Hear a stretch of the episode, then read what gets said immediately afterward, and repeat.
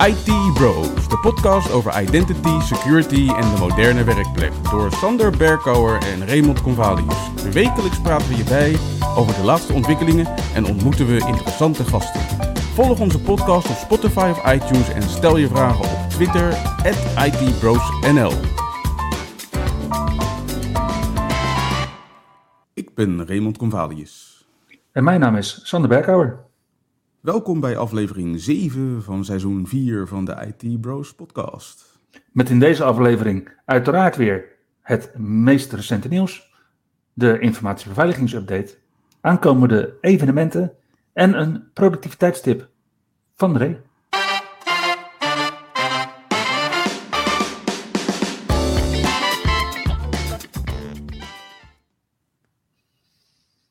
Het was uh, woensdag natuurlijk Valentijnsdag, Ray, dus er zullen niet zoveel Windows 11 uh, insider builds zijn, denk ik.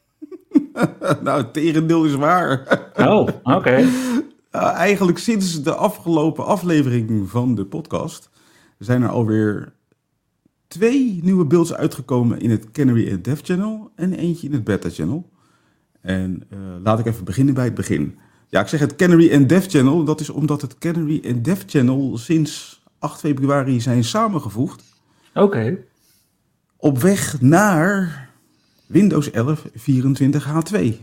Yes. En zo heet hij dus ook vanaf nu, de Canary Dev Channel gecombineerd. En dat betekent ook dat iedereen die ooit gekozen heeft voor het Canary of het Dev Channel, vanaf nu, in ieder geval tijdelijk, de mogelijkheid heeft om te switchen. Dus zit je okay. in het Canary Channel en denk je van, nee, het was mij toch wel iets door vooruitstrevend. Dan kan je overschakelen naar het Dev Channel. En als je in het Dev Channel zat en je denkt van, nou, ik wil toch wel iets meer op de edge gaan zitten. Nou, dan kun je nu switchen naar het Canary Channel. Hey, even voordat luisteraars dat natuurlijk verkeerd interpreteren. Edge zit in alle Windows beelds, hè? ja, dankjewel voor deze toevoeging. Okay. Just checking. Ja, ja, oké. Maar in ieder geval, uh, op 8 februari kwam beeld nummer 26052 uit in dit kanaal. Mm -hmm. En dat hield onder andere in dat een aantal populaire games mogelijk het niet meer doen. En dat Microsoft graag je feedback daarop verwacht. En doordat die kanalen zijn samengevoegd, is er met name in het Dev Channel is opeens van alles bijgekomen. Wat eerst alleen in het Canary Channel zat. Dus daar vind je nu de Energy Saver terug. De scrollable quick settings. De QR-codes voor het sharen van je wifi. Support voor het aanmaken van 7-zip en tar bestanden. Windows Protected Print Mode. Voice Clarity, waar we het al even over hebben gehad, zit nu mm -hmm. ook in het Dev Channel. Een aantal veranderingen ten aanzien van het SMB-protocol, die we ook uitgebreid hebben besproken, zitten ja. in dit kanaal nu. En de verbeteringen voor Labs, de Local Admin Password Solution. En behalve dat kregen we ook nog een hoop nieuws, wat ook gewoon nieuw is voor het Canary Channel. Hmm. Onder andere iets waar afgelopen week al vrij veel reuring over was, namelijk sudo voor Windows. Ah, superuser do.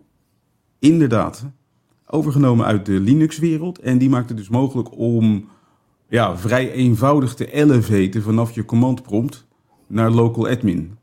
Daarvoor biedt uh, sudo voor Windows drie modus. De ene is dat je een nieuw venster opent als administrator.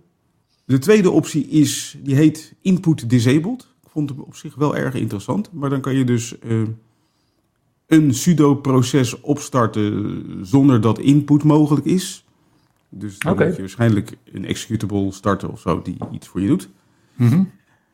En als laatste optie heb je dan inline. En dan verandert dus jouw command prompt die als standard user draaide... opeens naar een command prompt die als local admin draait. Er waren al grappenmakers die inderdaad ook een, uh, een toeltje hebben gebouwd. Dat als je iets op de commandlijn uitvoerde en het uh, vereiste beheerdersrechten, dat je dan oeps kon typen.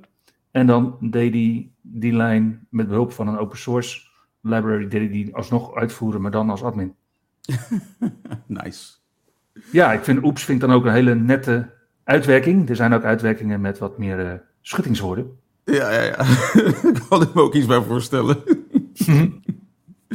Maar goed, in ieder geval, eh, het zit nu in Windows 11. Het staat standaard niet aan. Je moet het aanzetten vanuit de settings. Ga je naar System. En dan onder de optie voor developers. Daar zit een toggle over het sudo-commando. Verder zitten er verbeteringen in voor als je gebruik maakt van gehoorapparaten. Zoals eh, ondersteuning voor Bluetooth LE. Oftewel Ja. eh, de Low energy. power mode, ja, low energy mode.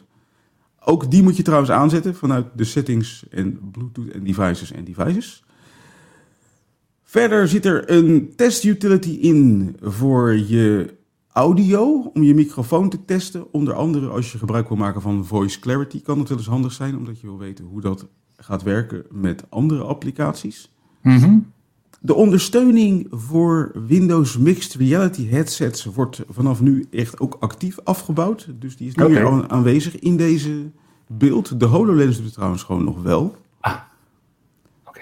Verder is men ook gestart met het afbouwen van de Microsoft Defender Application Guard. En die is dus ook niet meer beschikbaar. Nee, bij Windows Defender Application Control nog steeds wel, toch? Voor zover ik weet wel, heb ik ook niks Oké. over gelezen. En als laatste is er een nieuwe feature bijgekomen in de Registry Editor, oftewel regedit. Mhm. Daar kan je nu zoeken binnen de huidige geselecteerde key. Dus je kan zeggen van zoek alleen nog maar onder deze key waar ik nu zit en niet meer die hele registry door. Ja, maar dat kon nog wel eens lang duren, inderdaad, dat zoeken. Ja. Precies. En dan schijnt er ook nog een hidden feature in te zitten. Een gebruiker op X heeft uitgevonden dat je met de Vive tool automatic super resolution kan aanzetten. Oké, klinkt interessant. Ja, het is eigenlijk bedoeld voor gamers en dat doet upscaling naar hogere resoluties en maakt daarvoor gebruik van AI. Ja, en ik denk dat overal waar je dan games invult, dat je daar bijvoorbeeld ook eh, computer assisted drawing, dus CAD, kan, eh, kan invullen. Die kans zit er dik in. Ja, dus dat zou betekenen dat je inderdaad op een lagere resolutie zou kunnen renderen en dat het er toch nog behoorlijk uitziet. Ja, precies. Nou, het lijkt heel erg op de upscaling technieken die Nvidia en AMD al hebben ontwikkeld. En uiteraard heb je de Vive tool nodig om het aan te zetten. Ja. Hey, was er dan ook nog nieuws in het beta-kanaal? Ja, maar dit was nog niet eens alle nieuws van het eh, Canary en Dev Channel. Oh, Want er kwam namelijk op 14 februari ook nog even beeldnummer 26058 uit.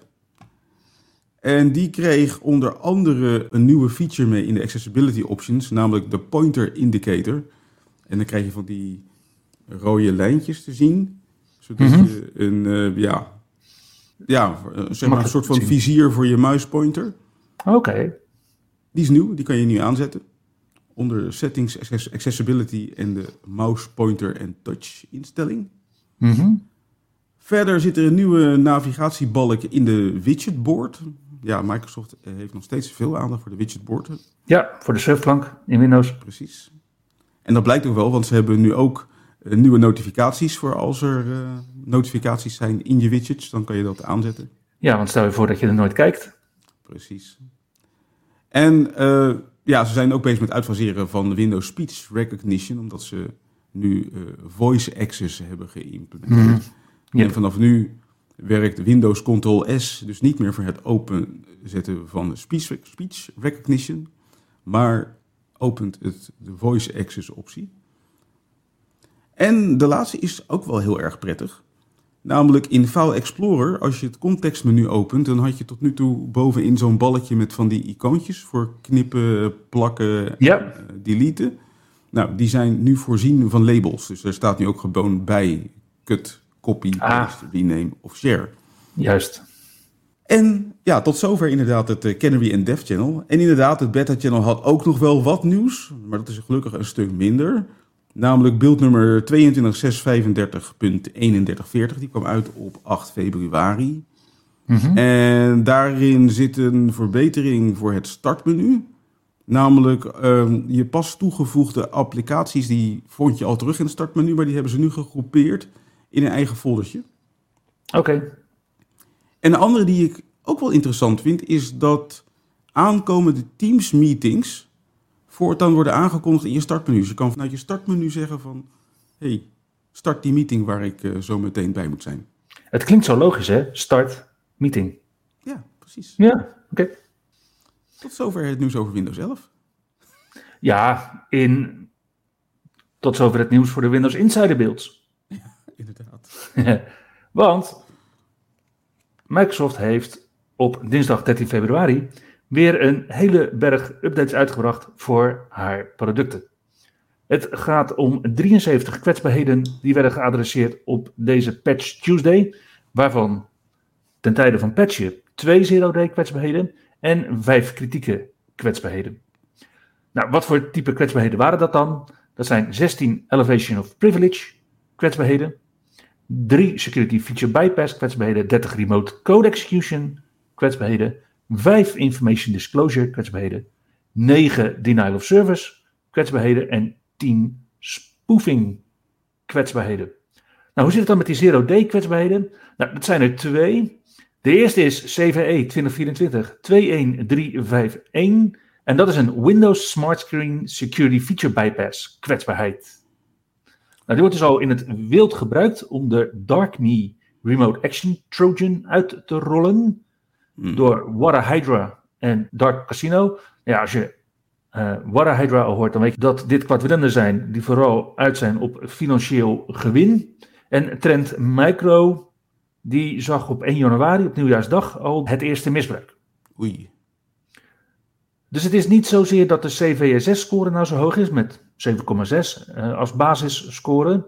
Maar het is wel iets wat nu al misbruikt wordt. Want na de initiële toegang wordt vervolgens gebruik gemaakt van een kwetsbaarheid in Defender Smart. Die in november 2023 is geadresseerd. En de manier waarop een kwaadwillende deze kwetsbaarheid kan misbruiken. is om je een bestand te laten openen.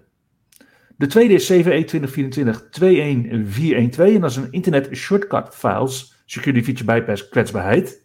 En ook hier stuurt een kwaadwillende je een bestand die dan geopend dient te worden. En daarom eh, zit je inderdaad niet aan een eh, CVSS-score in de regio van 9 of 10, maar op een basisscore van 8,1. Ja, ik zei het net eerder. Er zijn bij het uitbrengen van de updates sprak Microsoft over twee zero-day kwetsbaarheden, maar een van de kritieke kwetsbaarheden, namelijk CVE 2024-21410, en dat is een Exchange Server Elevation of Privilege kwetsbaarheid, wordt inmiddels ook misbruikt. Hmm. En wat Microsoft met deze update doet om de NTLM relay kwetsbaarheid die hieronder ligt te adresseren, is de Extended Protection standaard aan te zetten in Exchange. En daar zouden beheerders best wel eens wat hinder van kunnen ondervinden. De tweede kritieke kwetsbaarheid waar Microsoft en ook onder andere het NCSC voor waarschuwen is een kritieke kwetsbaarheid in Outlook. Dat is een remote code execution kwetsbaarheid. En deze blijkt, quote, quote, triviaal om te misbruiken. Hmm. Want een aanvaller hoeft alleen maar een mailtje te sturen met een link naar een kwaadaardig bestand. En omdat Office Protected View wordt omzeild in deze kwetsbaarheid, worden dit soort kwaadaardige bestanden vervolgens in edit-modus geopend. Beheerders die gebruik maken van Hyper-V moeten even opletten voor een denial of service kwetsbaarheid, want dat is gewoon lastig. Als je Hyper-V servers ineens gaan lopen hangen met al je andere mooie functionaliteit erbovenop. Dan is er een Internet Connection Sharing Remote Code Execution kwetsbaarheid. Dus ook al gebruik je het niet. En zullen we het ook nooit gebruiken in zakelijke omgevingen, waardoor we die feature met bijvoorbeeld Group Policy of MDM uitzetten. De binaries van Internet Connection Sharing zijn nog steeds kwetsbaar. En dit is een kritieke kwetsbaarheid daarin. En gebruik je Dynamics Navision, tegenwoordig Dynamics Nav, dan is daar een Information Disclosure kwetsbaarheid, CVE 2024 21380, die ook om spoed vraagt om gepatcht te worden. Gaan we naar de top 5 producten waarvoor kwetsbaarheden werden geadresseerd door Microsoft, dan staat Windows Defender Application Control met 16 van de 73 kwetsbaarheden ruim bovenaan. Volgens Dynamics met 8, Office met 6, de Windows kernel met 6 kwetsbaarheden en de top 5 wordt gecomplementeerd door Internet Connection Sharing met 4 kwetsbaarheden. Hadden we dan alleen maar kwetsbaarheden of kregen we ook nog nieuwe features bij deze? Nee, nee. En daar hebben we het vorige keer natuurlijk over gehad. We krijgen ook preview updates. En die features die vinden we gelijk ook weer terug in de updates voor Windows 10 en Windows 11. En op Windows 10 krijg je, als je KB 5034763 installeert, krijg je meer weer op het lockscreen. Werkplekbeheerders die hoopten op updates die ervoor zorgen dat Copilot de icoontjes tussen monitoren niet meer husselt. Of dat Copilot inmiddels ondersteund wordt als je de Windowsbalk verticaal draait, komen helaas van een koude kennis thuis met deze update. En voor Windows 11 22H2 en 23H2 was daar KB 5034765. En deze zet het Copilot-icoontje nu netjes rechts in de system tray. De zoekbalk loopt niet langer vast. En de MDM-rapportage van BitLocker werkt nu weer. Maar let op, hier is ook een stukje functionaliteit waar je als werkplekbeheerder mogelijk een hele hoop incidenten op kunt krijgen. Het Show Desktop icoontje verdwijnt met deze update van de Windows-balk af. Heb je nu collega's en medewerkers of zelfs klanten die het Show Desktop icoontje weer terug willen hebben op de Windows-balk, dan kun je die instrueren om dat via de instellingen van de Windows-taakbalk weer aan te zetten. Ik zat net te kijken. Nu draai ik weliswaar de Dev Canary Channel op deze machine, maar ik heb dat Show Desktop icoontje nog steeds rechts in mijn taakbalk zitten. En ik heb er niks voor gedaan. Nee, het is ook wel interessant dat Microsoft dan dus dit in een echte update voor echte Windows-versies die echt op desktops en laptops van organisaties draaien, dit als eerste uitrolt. In plaats van dat door het hele Canary, ontwikkelaars en vervolgens beta-kanaal heen te loodsen. Ja. ja, en wat ik ook nog wel bijzonder vind, is dat Copilot-icoontje. Ja. Want op deze machine zie ik hem nog steeds niet. En ik heb een Windows 365, zo'n cloud PC. Ja? En daar zie ik hem wel. En ik moet nog steeds uitvinden waarom het Copilot-icoontje daar wel verschijnt en hier niet. Hmm. Ja, dat is lastig. Nee, al die uh, verschillende Windows-apparaten van jou. Ja, inderdaad. Want uh, zullen we eens anders eens stellen? Hoeveel het er zijn? Je hebt er natuurlijk één van de klant met Windows 10. Uh, ja. Ja, voor historische doeleinden. Je hebt een Windows 11 machine gewoon in de current channel, denk ik. Nee, die draait in het beta channel. Oh, die draait in het beta kanaal. Dan heb je een Windows 11 Insider in het nieuwe Canary ontwikkelkanaal gecombineerd. Ja. Dan heb je een Windows 365 desktop. Dus ik zit op. 4. ja. En welke mis ik dan nog? Nou, dan heb je ze allemaal gehad. Je hebt je geen eh, aparte presentatie laptop meer? Nee, nee, nee, nee, die heb ik niet meer. Nee, Of doe je dat gewoon allemaal op je Mac tegenwoordig? nee ik heb eh, die ene die zeg maar in het beta kanaal draait, die gebruik ik ook voor presentaties. Living on the edge. Oké. Jij durft. Gaat goed tot nu toe. Ja. En je hebt eh, niet toevallig ook nog Azure Stack Hyperconverged Infrastructure staan, toch? Azure Stack HCI. Nee, nee, nee, dat kapitaal en die ruimte heb ik ook niet hier, helaas. Oh, oké. Nee, want dan zou je daar natuurlijk nog een vijfde Windows desktop op kunnen maken. Want Mhm. Azure Virtual Desktop komt nu naar Azure Stack HCI. En op deze manier kun je dus op je private cloud, want zo noemt Microsoft dat nog steeds, is gewoon onzin, is geen cloud, is gewoon je eigen compute. Kun je Windows 11 Enterprise Multisession, Windows 11 Enterprise, Windows 10 Enterprise Multisession en Windows 10 Enterprise draaien. En ook Windows Server 2022 en Windows Server 2019 zijn nog steeds ondersteund. En wat je daarvoor moet doen is de Azure Connected Machine Agent op de virtual machines installeren. Ja, als je dat doet, moet je er wel rekening mee houden dat er een aantal dingen niet worden ondersteund op Azure Stack HCI voor je Azure Virtual Desktop. Namelijk, je hebt geen Azure Virtual Desktop Insights. Autoscaling doet het niet. Je hebt geen session host scaling met Azure Automation. Want je hebt geen Azure Automation. Ja, logisch. Start VM on Connect werkt niet. En je hebt ook geen per-user access pricing. Maar ja, dat lijkt me ook redelijk voor de hand liggend op je eigen... Dat lijkt me ook redelijk... Uh, yep. Je hebt namelijk al betaald. Ja, en als laatste moet je er rekening mee houden dat als je een hostpool aanmaakt, dat je die session hosts moet hebben of op Azure of op je Azure Stack HCI machine. Dus niet op, je kan geen uh, hostpool maken die zowel machines bevat in Azure als op je Azure Stack HCI machine. Oké, dus je kunt het niet gebruiken voor een soort naadloze migratie van het een naar het andere en terug? Nee, nee. Oké, dan moet je echt een andere hostpool maken. Yes. Het klonk zo mooi. Gebruik je in je organisatie of misschien zelfs privé Zoom, dan willen we je op de hoogte brengen dat Zoom afgelopen week zes kwetsbaarheden in haar Windows-apps heeft geadresseerd. En dat gaat over de Zoom desktop client voor Windows.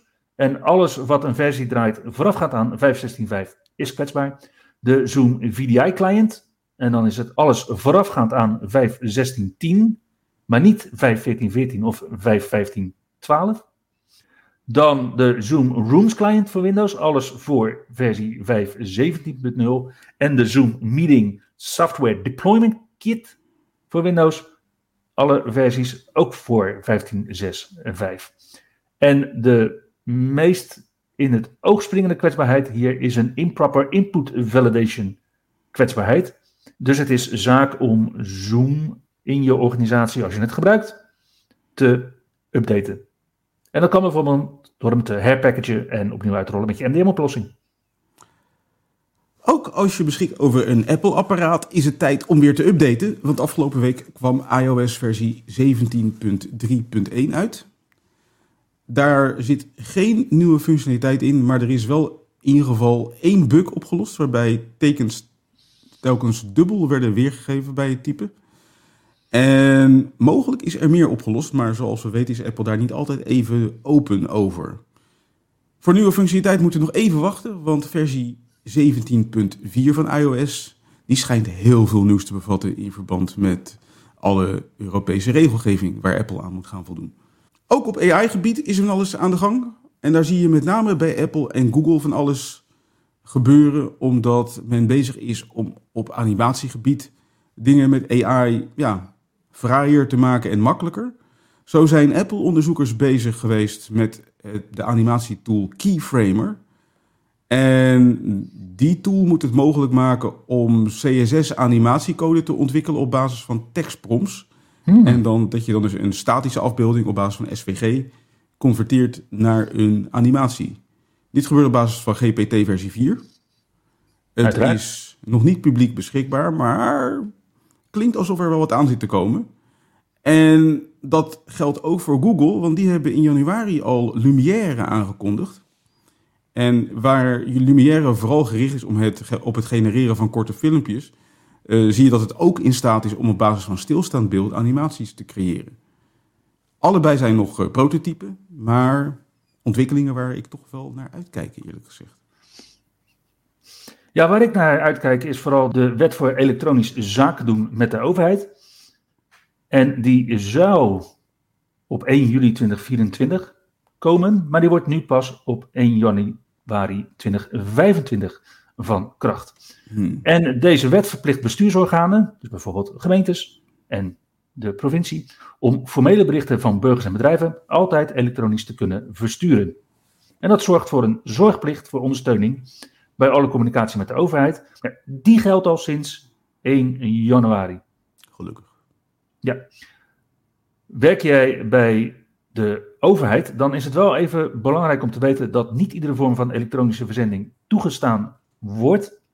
En dat ieder bestuursorgaan tenminste één kanaal moet aanwijzen. De mogelijkheid om per post te communiceren moet erbij nog steeds wel aangeboden blijven. Want ook mensen met weinig digitale ervaring moeten zaken kunnen blijven doen met de overheid. Maar we kunnen dus definitief afscheid nemen van de fax. Van de fax mag je inderdaad afscheid nemen.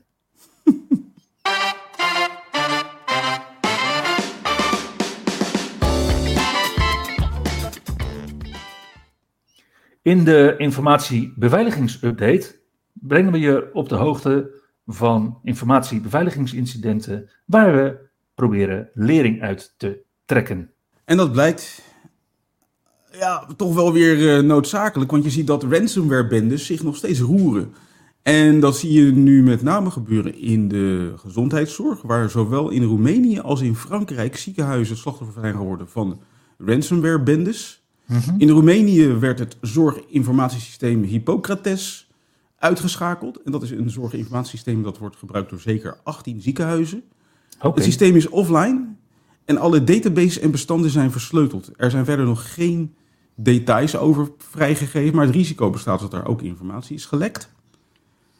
En iets soortgelijks lijkt er te zijn gebeurd met een ziekenhuis van Armentières in Frankrijk. Die hebben de spoedeisende hulp moeten sluiten. Nadat de printers begonnen met het printen van een boodschap van een ransomware-bende. En ja, daar hebben ze zo snel mogelijk alle systemen uitgeschakeld. Maar hebben ze wel, voordat ze dat hebben gedaan, alvast alle dossiers geprint. Zodat ze in ieder geval de behandelingen konden laten plaatsvinden. Zonder dat de systemen beschikbaar waren. Wat fijner om het in de informatiebeveiligingsupdate een keer over printers te hebben. Zonder dat het printkwetsbaarheden in Windows zijn. Ja. Maar alsnog denk ik dat dit een aantal beheerders bij ziekenhuizen behoorlijke nightmares kan bezorgen. Mm Trans-Northern Pipeline maakte afgelopen week bekend dat al in november 2023 een voorval heeft plaatsgevonden met ransomware. En dit betreft de ALPH, ransomware. En daar waren gelukkig slechts een gelimiteerd aantal interne computersystemen versleuteld, want de detectie was snel, waardoor dit voor Trans-Northern Pipelines geen algeheel CV-genererend evenement is geworden. want je kun je zomaar voorstellen dat als je als organisatie 850 kilometer aan ondergrondse pijpleiding in de Ontario-Quebec-regio beheert, waaronder dus ook de grote stad Toronto, en 320 kilometer in Alberta, waar 35.200 kub petroleum per dag doorheen stroomt. Zo. Dat dit best wel eens naar kan zijn.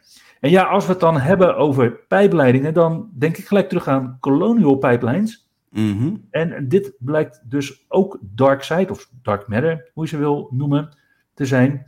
En dat waren dezelfde sujetten die Colonial Pipelines te grazen namen. Zo. Ja, als je gebruik maakt van Fortinet, dan ben je ook aan de beurt. Want daar heb je wellicht onlangs last gehad van CVE 2023-34992.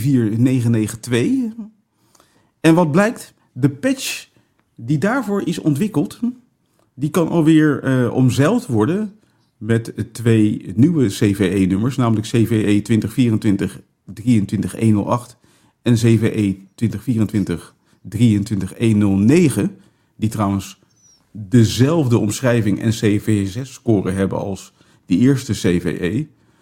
En ja, Fortinet was nou niet echt open over wat hier aan de gang was. In eerste instantie zeiden ze, oh, we hebben een foutje gemaakt, we hebben per ongeluk dezelfde CVE opnieuw gepubliceerd. Hmm. En dat bleek dus toch niet het geval te zijn. Er zijn varianten ontwikkeld op de kwetsbaarheid die al eerder is ontdekt. Ja. En die twee varianten die kunnen nu worden misbruikt, want er zijn ook nog geen nieuwe patches voor beschikbaar. Auw. Fortinet zelf zegt dat de kwetsbaarheden nog niet actief worden misbruikt. Maar als ik een Fortinet gebruiker was, dan zou ik nu toch wel een beetje op het vinkentouw zitten en uh, met smart wachten op nieuwe patches. Ja, want we zagen het inderdaad ook al bij de Microsoft updates. Tijdens het uitbrengen op dinsdag werd het nog niet actief misbruikt. En op donderdag al wel. Ja, inderdaad. Ja, en Apple, uh, ja, die maken. Die hebben een hoop commentaar op de nieuwe Europese regelgeving. Want ze vinden van ja, wat wij in de App Store zetten, dat is veilig.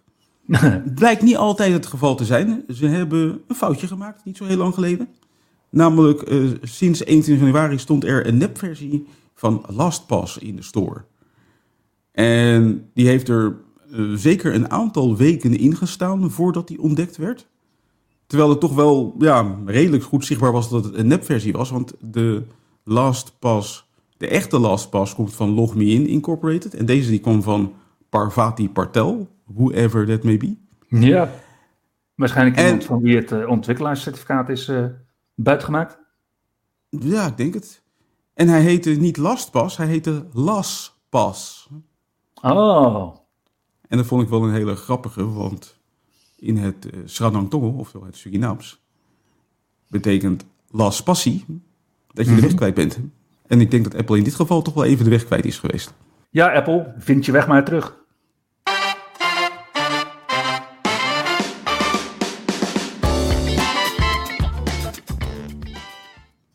Na deze taalles van Ray kijken we naar de evenementen voor de aankomende week. En daar zien we één evenement van de Dutch Azure Meetup. En zij organiseren een avond rondom Confidential Compute met Microsoft Cloud for Sovereignty. Vanaf half zes ben je welkom in Hilversum om lekker te gaan eten tot ongeveer kwart voor zeven. En daarna start de eerste sessie van een uur over Sovereign Services Arrive to Azure, de why, what and how of Sovereign Cloud Computing. Gevolgd door een tweede sessie en drinks. En die tweede sessie die deelt de Ultimate Guide to Protecting Your Ass. Sits. in de Sovereign Cloud.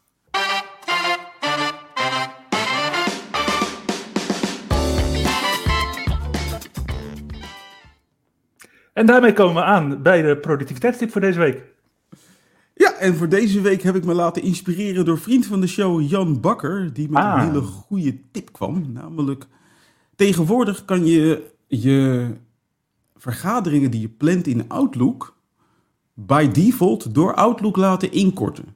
Door tegen Outlook te zeggen van nou, begin al mijn evenementen iets later of beëindig al mijn evenementen iets eerder. En op die manier kan je dus bijvoorbeeld aangeven dat hij altijd een, eh, een vergadering van een uur, of korter dan een uur, moet ik zeggen, bijvoorbeeld vijf minuten eerder laat stoppen. En vergaderingen van een uur of langer tien minuten eerder laat stoppen. En op deze manier heb je dus gewoon tijd over om tussen je meetings door nog even een luchtje te scheppen, een kopje koffie te pakken of een sanitaire stop te doen, zonder dat je hoeft te rennen van de ene naar de andere meeting. En dat is wel zo fijn. Nou, wauw. Ik dacht dat we deze productiviteitstip toch al wel eerder hadden gedeeld. Maar dit is inderdaad echt een basic productiviteitstip voor alle thuiswerktijgers. Dat dacht ik ook. En daarmee komen we aan het einde van aflevering 7 van seizoen 4 van de IT Bros podcast. Dankjewel voor het luisteren en tot volgende week. Tot de volgende keer. Je luisterde naar IT Bros, de wekelijkse podcast over identity, security en de moderne werkplek. Abonneer je op Spotify, iTunes of Google Podcast als je de volgende aflevering niet wilt missen. Heb je hints of tips? Laat dan van je horen op Twitter. @itbrosnl